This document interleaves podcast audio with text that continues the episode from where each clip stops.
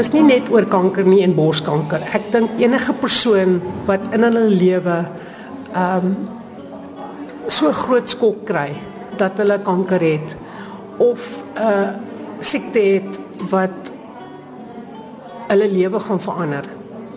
Jy weet jy het 'n keuse in die lewe. Jy kan gesê word jy het kanker en jy gaan sterf of jy kan daarna kyk, okay, ek het kanker, ek gaan die beste doen met wat ek het. Hulle het 'n knop gekry, toe doen ek die biopsie. Met die hoop dat alles reg is, is net 'n knop wat meeste vroumense kry. En ongelukkig te sê hulle vir my het dis graad 3 borskanker.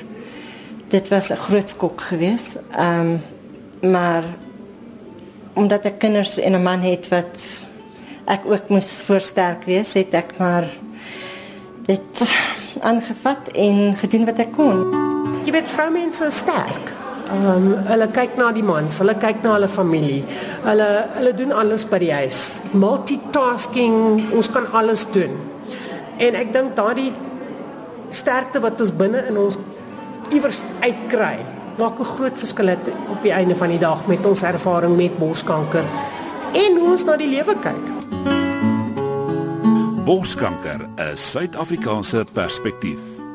Borskanker is 'n baie ernstige toestand. Professor Michael Herbst, hy is Kansa se hoof van gesondheid. Ongelukkig word dit onder 'n groot gedeelte van die bevolking baie laat gediagnoseer. Omrede hulle nie toegang tot gesondheidsdienste het nie, dat hulle oningelig is oor die probleem, dat daar 'n stigma kleef aan kanker en die mense bang is om uit te kom en te sê ek het kanker, want dan word hulle deur hulle families uitgeskop. Maar daar word ongeveer uh, 6000 vroue elke jaar met borskanker gediagnoseer. En die statistiek wat ons het vir die jaar 2000 is daar 'n totaal van 3156 vroue wat gesterf het as gevolg van borskanker. Nou dit is baie ernstig. Dit is dit is syfers wat 'n mens weet woordeloos, spraakloos laat. Is regtig waar problematies. Professor Karel en Ben is die hoof van die Helen Joseph Borsgesondheidskliniek, dis 'n staatshospitaal. Sy is wêreldwyd bekend as 'n gesaghebende op die gebied van borskankerbehandeling en rekonstruktiewe chirurgie. We offer a supreme service for um, a low middle income class um, country.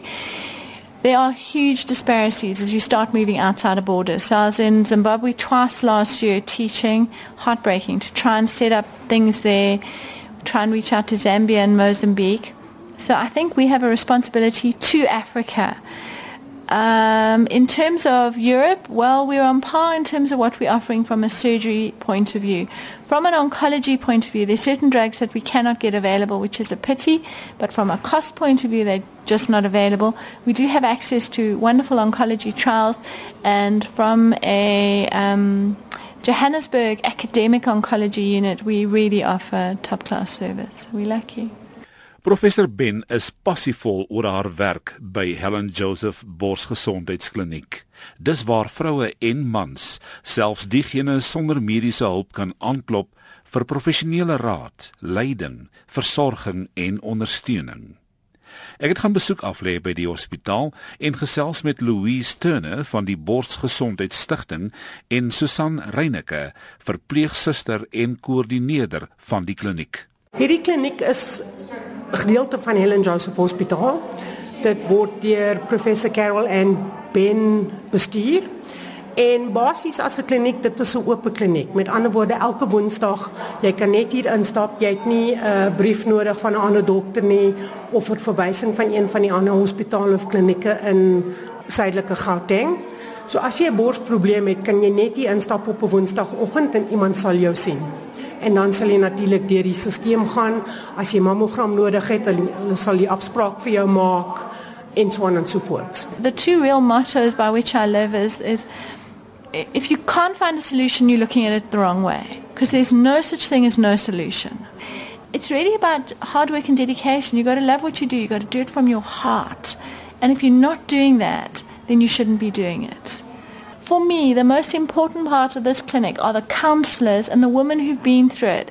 They are the glue it's all very well for me to explain to a 70 year old lady why we're doing something, but when she hears it from someone who's been through it, it makes it so much more manageable because it's not an easy journey.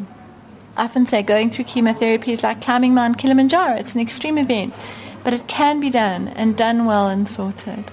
En die uh, Helen Joseph bedien is 'n baie groot area van Johannesburg, Gauteng omdat daar nie baie goeie dienste is in die baie van die hospitale om en rond ons nie.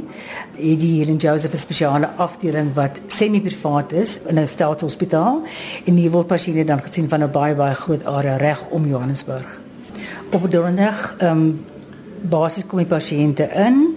Hulle um, sit in 'n gedeelte van die ontvangslokaal waar dan hulle uh, leer oopmaak of as hulle reeds 'n leer het, word dit getrek, dan maak hulle betaling volgens hulle inkomste van hulle wat geen inkomste het nie, betaal natuurlik niks nie, alles volgens 'n gradiënt van inkomste. En daarna as hulle nuwe tydjie, daar's net 2 of 3 mense wat met die leers werk, maar daarna gaan hulle dan gaan sit in 'n afdeling waar hulle wag op die dokter se evaluasie. Voor dit kom hulle vir hulle uitslaa. Hulle word gestuur na die uitslag in patologiese departement of as hulle slegs 'n biopsie gehad het, kom hulle na ons departement. Ons kry al die verslae in die oggend en dan word dit gedistribueer van persoon na persoon. Dan gaan hulle terug om gesien te word en verwys te word.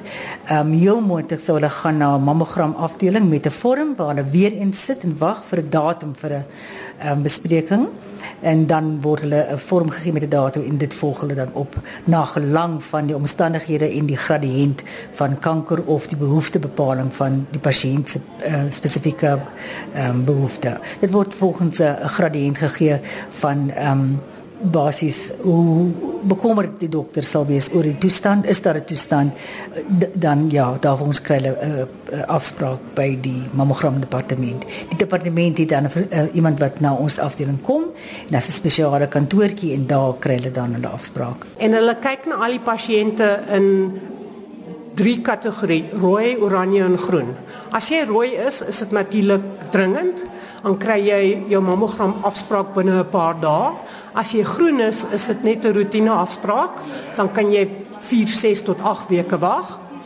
En dan begin die proses. Jy sal vir jou mammogram gaan, 'n ultrasound.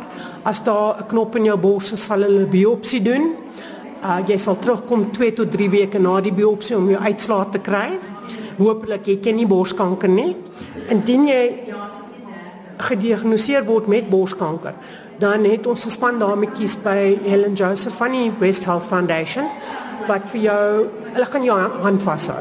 Hulle sal vir jou verduidelik wat dit beteken. Die dokter sal natuurlik vir jou sê jy het borskanker en ons gaan jou stuur vir chemo of ons gaan opereer. Maar die dametjies wat jou met jou gaan gesels, hulle het almal borskanker gehad. So hulle weet wat gaan gebeur. Hulle die ervaring, hulle kan vir jou direk sê luister, dis nie lekker nie of dit gaan gebeur. Hulle praktiese advies vir jou waar die dokters mediese advies het. Jy sal dan hier een van hulle gesien word. Hulle sal vir jou help om jou afspraak te maak vir chemo. Ehm um, as jy dan met jou chemo begin, een van die dametjies sal by Charlotte McKekie wees. Hulle sal jou daar groet en seker maak jy gaan deur jou behandeling. En natuurlik na behandeling sal jy elke jaar terugkom na die kliniek toe om jou opvolg te doen. Um vir jou mammogram net vir jou jaarlikse besoek. En dan word jy gedeelte van die kliniek. And what was very passionate for me was when I started there was no one doing reconstruction. So I went overseas, I self-sponsored myself to get training in breast reconstruction because they were doing breast reconstruction from the 1970s in Europe and the rule here was well, if you survive a year, then we'll talk. And that's nonsense. You know, whether people have, whether someone has six months to live or 20 years to live, there has to be a dignity and a quality to life. Dit is 'n ongelooflike plek en dit stem basies maar omdat dit semi-privaat is. So al die ekstra pink goedjies en so aan word dan nou verskaf deur donasies wat gemaak word. Ons is 'n NGO obviously die hospitaal staats, maar dan die extra goedjies, die pink ehm um, mooi goedjies wat jy by meer sien, die die uithangbreentjies, ehm um, is alles doen deur donasies en ja, dit is maar wat dit is. Dis maar net daar's ekstra bietjie geld en dan vir die pink dames wat hier werk, dat almal oorlewendes wat met kanker gediagnoseer is wat reg deur die proses van genesing gegaan het en nog besig is om te gaan en wat dan 'n bietjie ehm um, leiding gee aan ons pasiënte en hulle het 'n baie baie belangrike rol hier want weer eens dit sou nie gebeur het as dit nie met die ehm um, ekstra inkomste van die private organisasie gewees het nie. Op 'n donderdag is ons grootste uitdaging om ons pasiënte se mediese verslaaf um na aanleiding van 'n patologiese verslaaf hulle te gee. Dit is baie groot teleurstelling vir hulle om te wag vir 4 tot 6 weke vanaf die patologiese departement van die naadbiopsie gaan dit baie vinniger, 'n week tot 2 weke, basies om almal gesien te kry en hier kom baie keer tot 1000 mense. So dit is 'n geweldige werkslading op uh, miskien 2 of 3 chirurge wat hulle moet sien. Ehm um, hulle moet diagnoseer, hulle verwys en dan afsprake maak vir operasies. Ek sou sê die grootste uitdaging is basies maar om die mense gesien te kry, verwys te kry na verskillende departemente en ja, dat hulle net in 'n rigting gestuur word en op die pad van genesing kan wees. Ondersteuning is van uiterste belang. Baragwana Hospitaal, algemeen bekend as Bara, het 'n borsgesondheidseenheid. Daar is mobiele eenhede wat ook deur die land gaan. Die Pelopeppa trein besoek ook afgeleë gebiede en dan is daar ook vrywilligers, veral by Helen Joseph wat onbaatsigtige diens lewer, veral Bosom Buddies en die Borsgesondheidsstigting. Ehm um, al die vrywilligers wat hier so is wat die dames help is van die Breast Health Foundation. Ehm um, al die bors ehm um, Breast Health Foundation dames is gemeenskap opvoeders. Hmm. Almal van ons het borskanker gehad. Die jongste in die spannetjie was 26 toe sy gediagnoseer is. Die ouer dames is in hulle 50, 60 toe hulle gediagnoseer is. En as 'n projek van die Breast Health Foundation kom ons hier na toe as vrywilligers in die staatkliniek by Helen Joseph. Die die ehm um, susters en verpleegsters en die hele span wat in die hospitaal werk is passievol oor wat hulle doen. Hierdie kliniek is net vir borsprobleme. The Breast Health Foundation is gedurig besig om fondse in te samel sodat ons die dienste kan lewer by Helen Joseph waar ons dames kan betaal, borskanker survivors kan betaal om hulle ervaring te deel met die pasiënte in die kliniek. Daar is ander projekte wat ons ook doen. Ons werk ehm um, in die kerke, in gemeenskapsale. Ons gaan na ehm um, groot sake onderlei en praat met die mense daar ook sodat ons onderwys kan lewer aan alle Suid-Afrikaners. En 'n groot ding wat ons baie doen, ons maak seker dat die mans verstaan hulle kan ook borskanker kry. Dis maar 1% uit al die borskanker gevalle, maar dit is definitief iets in Suid-Afrika wat die mans nie weet nie. Bosom Buddies is 'n ondersteuningsgroep. Meeste van die dames is borskanker leiers en hulle gee emosionele ondersteuning vir enige iemand wat deur borskanker geaffekteer is. Al is dit die sussie, die ma, die man, die kinders, die beste vriendin, want jy weet as jy gediagnoseer is, jou vriende en jou familie en die mense om jou verstaan nie altyd wat jy deurgaan nie. En met 'n ondersteuningsgroep soos Bosom Buddies, jy kan met dames praat wat daar was. Hulle verstaan as jy nie lekker voel nie. Hulle verstaan as jy nie kos kan maak nie want jou jou ehm um, sintuie is so sensitief dat die reuk van die kos vir jou naar maak. En hulle kan vir jou ondersteuning gee en goeie advies gee om hoe om deur hierdie moeilike tye te kom. Pinktraat is 'n ondersteuningsdiens wat min of meer 5 jaar gelede gebeur het en ons het letterlik pink trokke op die pad met mammogram masjiene op die trokke en ons gaan in afgeleë gebiede reg oor Suid-Afrika en lewer die diens aan dames wat nie mediese fonds het of toegang tot die tot die diens het nie. Pink Drive het al naaste by meer as 120 000 dames onderrig in borskankeropvoeding as ook meer as 7000 mammogramme al gelewer in die 5 jaar. Ons gaan gereeld na klinieke en hospitale toe alhoewel ons nie regering befondsing kry nie en ons help dan daarso ook uit en help om die die agterstand te verbeter. Ehm um, ons diens is definitief baie bruikbaar en baie vriendelik en toeganklik en ons probeer regtig 'n verskil maak in die gemeenskappe waar ons gaan.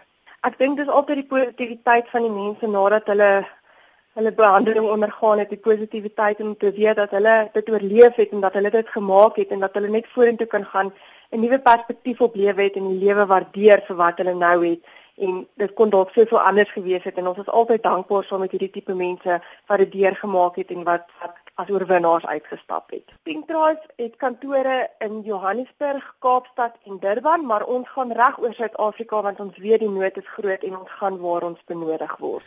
Phoebe Meyer van Pink Drive.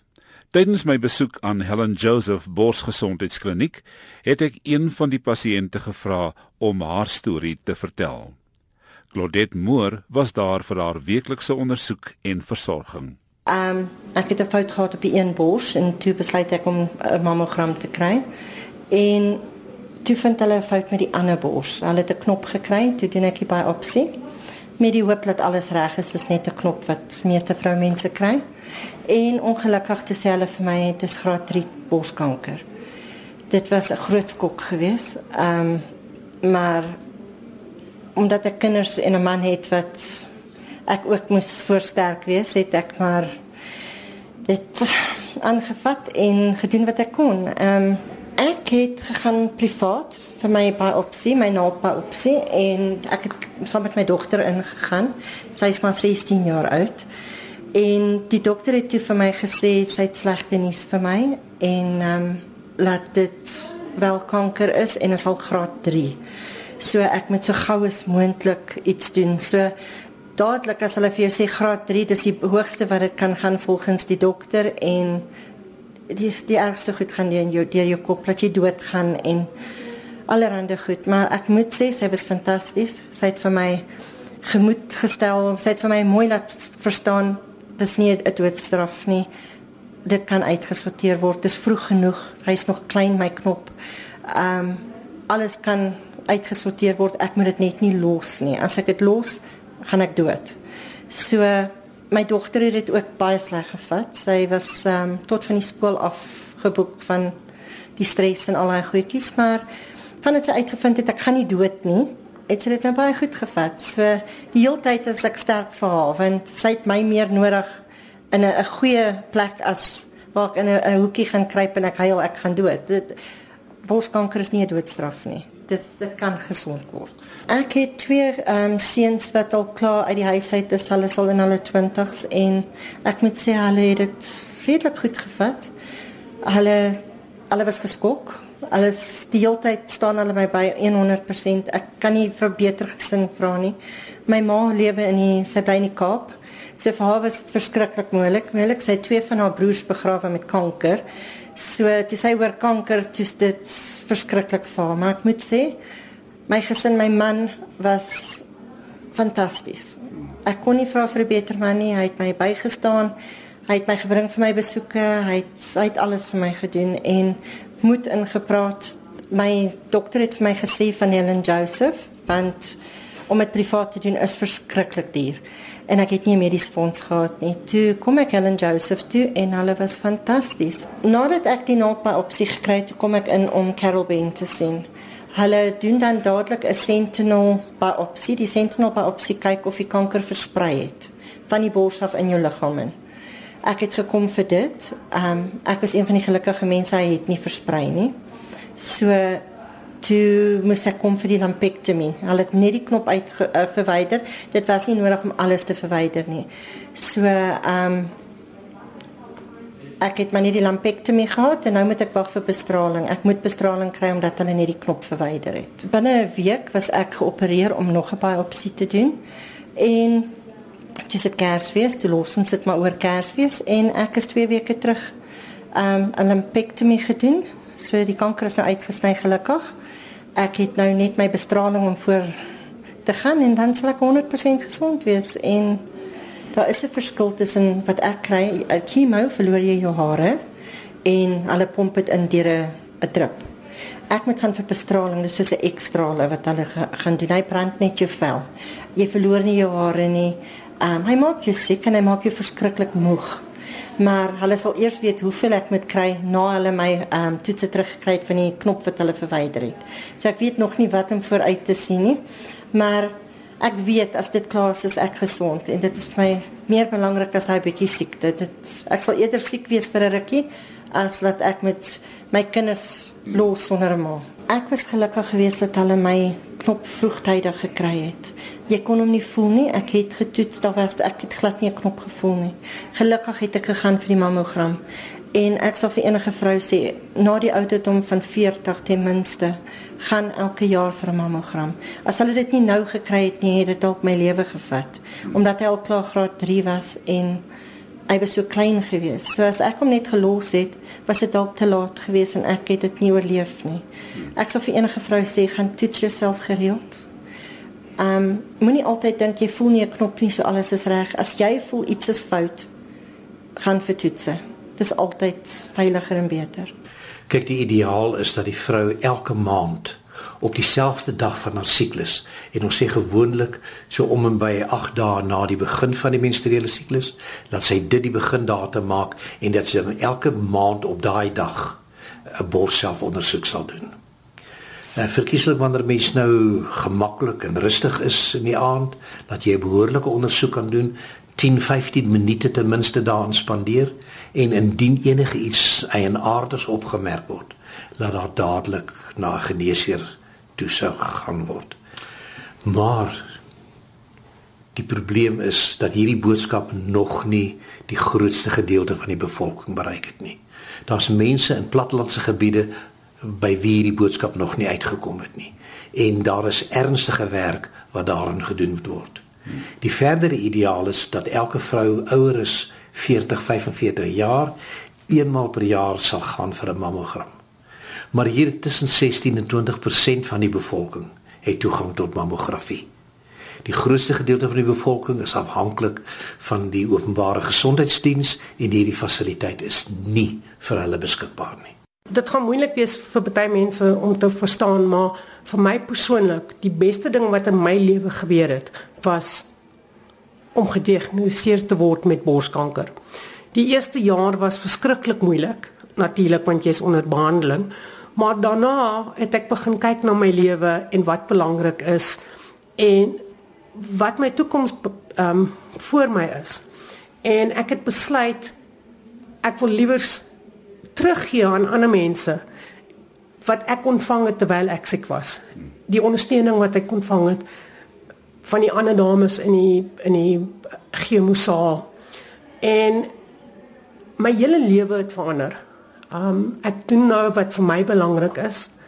Um in Engels, ek kan dit nie in Afrikaans. I don't sweat the little things in life anymore. Daar is veel meer groot dinge in die lewe wat ons baie keer miskyk omdat ons so besig is met vandag en nou. En ja, borskanker het my 'n nuwe deur oopgemaak, 'n nuwe lewe oopgemaak.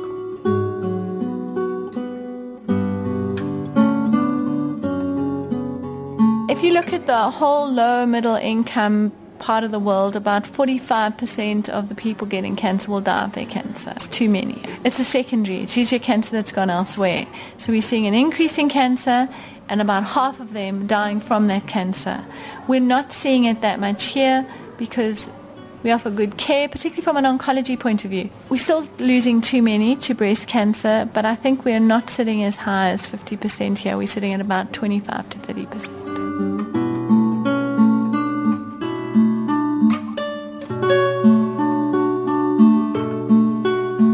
Ideally, what would I like? A massive breast unit, got the design in my head, performance managed for all women government and private, and I won't stop till I get it. Professor Carol Ann Ben, bestuurder van die Helen Joseph Borsgesondheidskliniek. Ander deelnemers is professor Mike Herbst van Kansa, Louise Turner van die Borsgesondheidsstigting, Susan Reyneke van Helen Joseph Hospitaal, Phoebe Meyer van Pink Drive en Claudette Moore.